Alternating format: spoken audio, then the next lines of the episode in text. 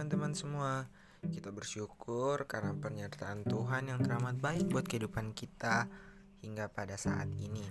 Nah kembali dari Forgat pada hari ini saya Tio akan membawakan renungan yang sama-sama kita belajar tentang firman Tuhan. Bagaimana kita mengikuti teladan Tuhan di dalam kehidupan kita setiap hari. Nah teman-teman semua sebelum kita memulaikan renungan kita Mari kita satu dalam doa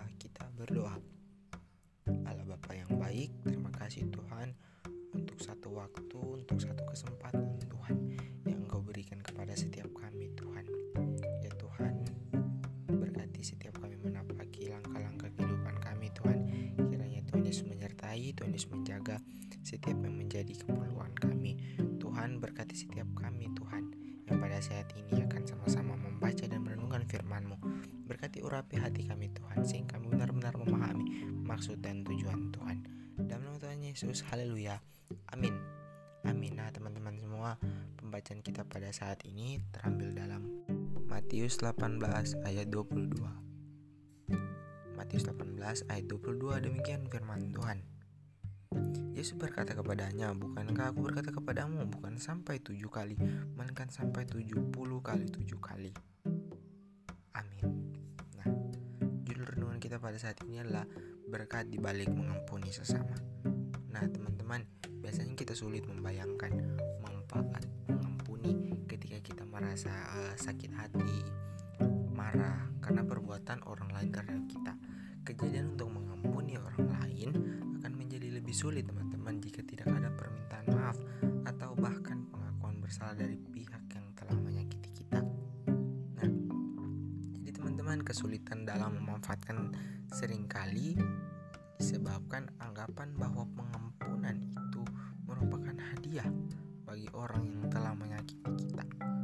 Jadi kalau kita dibuat kesalahan oleh orang lain,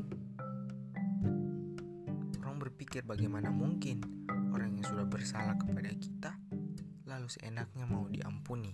Padahal sebenarnya mengampuni adalah hadiah untuk diri kita sendiri. Nah, ketika kita memilih untuk mengampuni, kita menemui manfaat yang tidak terbatas dari pengampunan. Firman Tuhan saat Petrus bertanya kepada Tuhan, "Sampai berapa kali aku harus mengampuni saudaraku jika aku berbuat dosa terhadap jika ia berbuat dosa terhadap aku?" Di ayatnya 22 dijawab, "Engkau harus mengampuni sesamamu bukan hanya tujuh kali, teman-teman." tetapi sampai 70 kali 7 kali. Di sini artinya apa? Tidak terbatas bagi orang yang mau mengampuni sesamanya.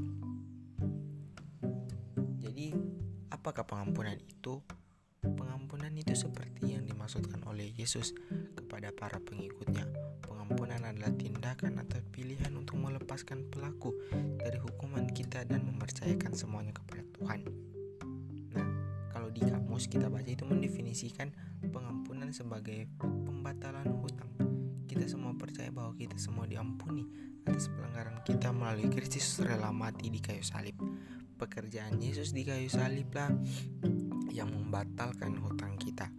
Pengampunan dari Yesus adalah tanpa syarat. Kita harus bisa memaafkan kesalahan orang lain terlepas dari apakah sang pelaku meminta maaf atau mau bertanggung jawab. Dengan kata lain, kemampuan kita untuk memaafkan tidak bergantung pada tindakan orang lain. Kalau di kitab suci menulis, bersikaplah baik satu sama lain, lembut hati saling mengampuni sebagai Allah di dalam Kristus telah mengampuni kamu. Efesus 4 ayat 32 Sabarlah kamu seorang terhadap yang lain Ampunilah seorang akan yang lain apabila yang seorang menaruh dendam terhadap yang lain. Sama seperti Tuhan telah mengampuni kamu maka perbuat jugalah demikian.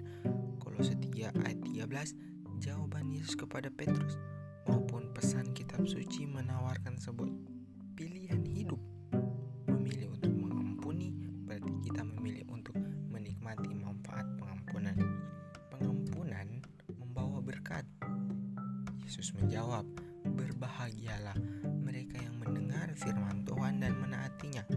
Lukas 11 ayat 28 Tidak memaafkan adalah beban yang berat, teman-teman.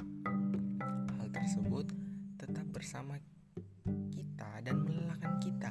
Jadi kalau kita tidak mau mengampuni, tidak mau memaafkan, itu akan menjadi beban buat kita, memengaruhi banyak aspek kehidupan kita, ketidakmengertian mengikis kesehatan kita, dan menumbuhkan kepahitan dan kebencian.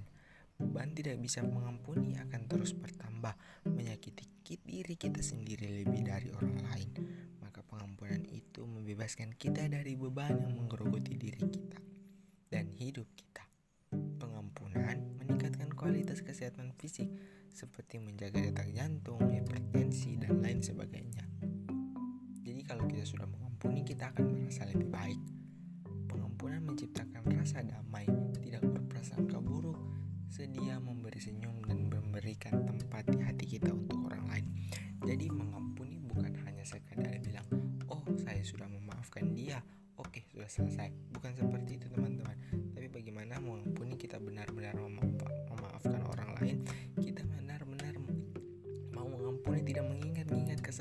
Lagi.